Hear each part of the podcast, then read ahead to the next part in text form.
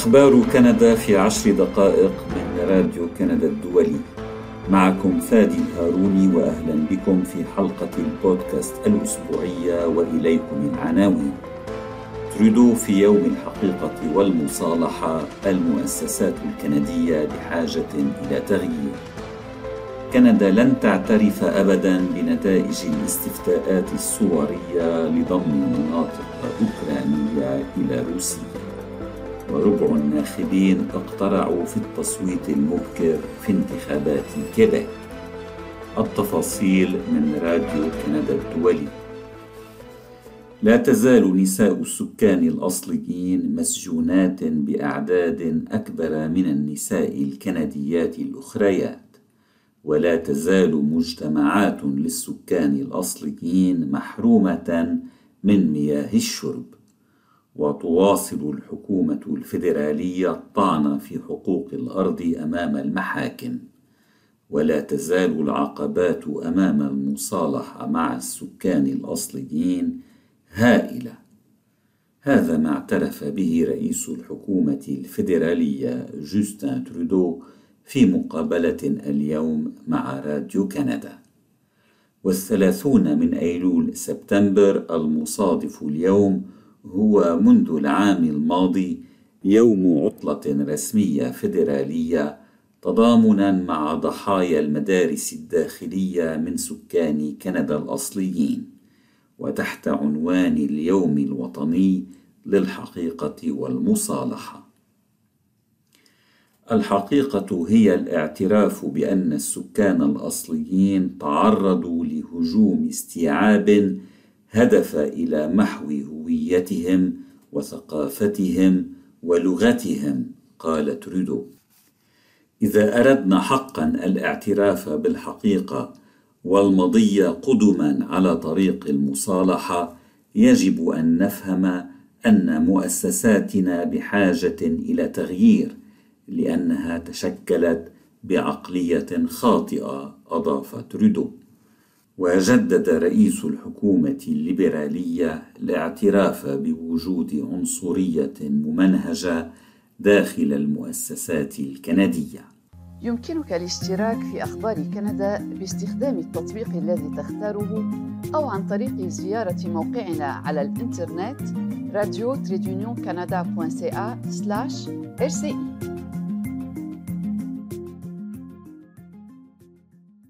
قال رئيس الحكومة الكندية إن كندا لن تعترف أبدا بنتائج الاستفتاءات الصورية التي أجرتها روسيا في أربع مناطق أوكرانية.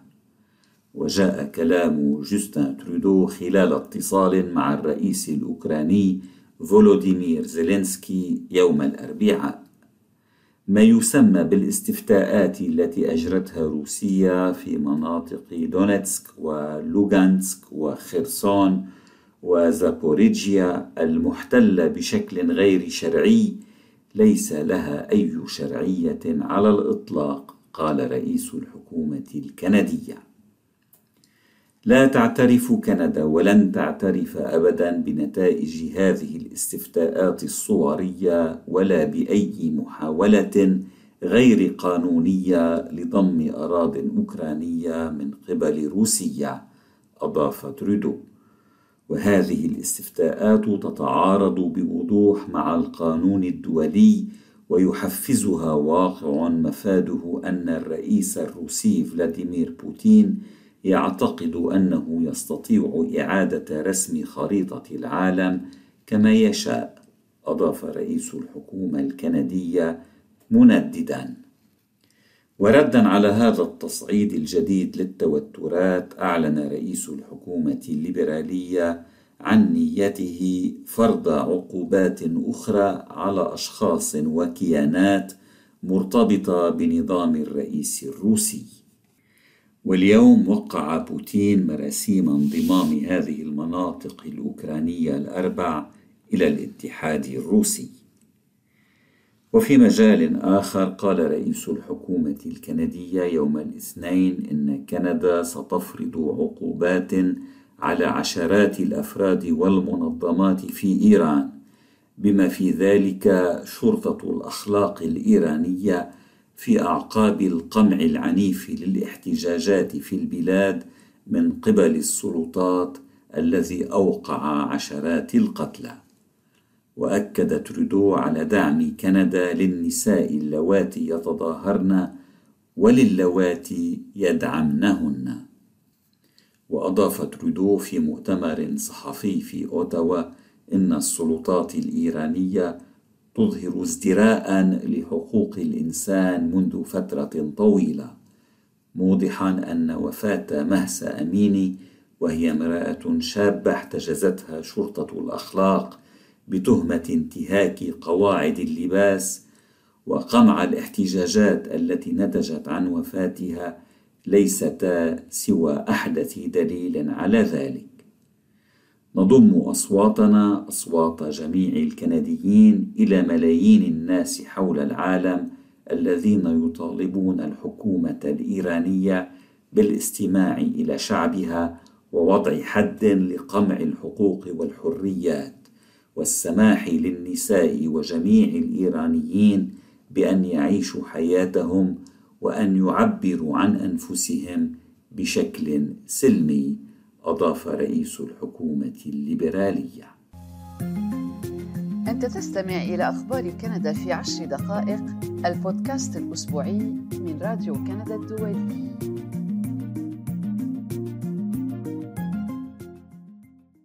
أظهرت الأرقام إقبالا قياسيا على التصويت المبكر في الانتخابات العامة الحالية في مقاطعة كيبيك إذ مارس نحو من ربع الناخبين المسجلين في القائمة الانتخابية حقهم الانتخابي وفقا للأرقام المقدمة صباح اليوم من قبل هيئة الانتخابات في كيبيك وهي هيئة مستقلة تشرف على الانتخابات في المقاطعة. فقد اقترع واحد فاصل أربعة وخمسين مليون شخص من أصل ستة فاصل تسعة وعشرين مليون ناخب مسجل أي بنسبة أربعة وعشرين فاصل خمسة بالمئة. وهذه أعلى نسبة مشاركة في انتخابات عامة في كيبيك منذ عام ثمانية وتسعين على أقرب تقدير. ويشمل هذا العدد من اقترعوا في سبعة أيام حددتها هيئة الانتخابات وهي يومان للتصويت المبكر الخامس والعشرون والسادس والعشرون من أيلول سبتمبر وخمسة أيام في مكتب مشرف الانتخابات. ويقترع العدد الأكبر من الناخبين في يوم ثامن هو اليوم الرئيسي للانتخابات أي في الثالث من تشرين الأول أكتوبر المصادف يوم الاثنين. وغالبا ما يعرف من هو الحزب الفائز في الساعات القليلة التي تلي إغلاق مراكز الاقتراع. وفي مجال آخر قال المدير البرلماني الفيدرالي للميزانية إن معدل سعر المنزل في كندا في شباط فبراير كان أعلى بأكثر من خمسين بالمئة من مستواه قبل عامين أي قبل أن تضرب جائحة كوفيد-19 كندا. ففي تقرير جديد نشره أمس كتب إيف جيرو أن المعدل الوطني لسعر المنزل من مختلف الفئات ارتفع من 551 ألف دولار في شباط فبراير 2020 إلى 840 ألف دولار في شباط فبراير 2022 وهذا أعلى مستوى له على الإطلاق وبارتفاع نسبته 52.4% خلال عامين. وأشار المدير البرلماني للميزانية إلى أنه منذ شباط فبراير تراجع معدل سعر المنزل في كندا بنسبة 7.4% ليبلغ 777 ألف دولار في آب أغسطس الماضي بموازاة الزيادة الحادة في معدلات الرهن العقاري كما قال. ومستخدما منهجية وضعها صندوق النقد الدولي تدرس قدرة الأسر على الاقتراض والقدرة على شراء عقار في بعض المناطق الحضرية في كندا. قال المدير البرلماني للميزانية إن معدل سعر المنزل في آب أغسطس الفائت كان أعلى بنسبة 67% مما يعتبر مستوى ميسور التكلفة. أي مما يمكن أن تتحمله الأسرة المتوسطة في إطار الاستخدام العادي لقدرتها على الاقتراض حلقة البودكاست لهذا الأسبوع انتهت. شكرا لإصغائكم. thank you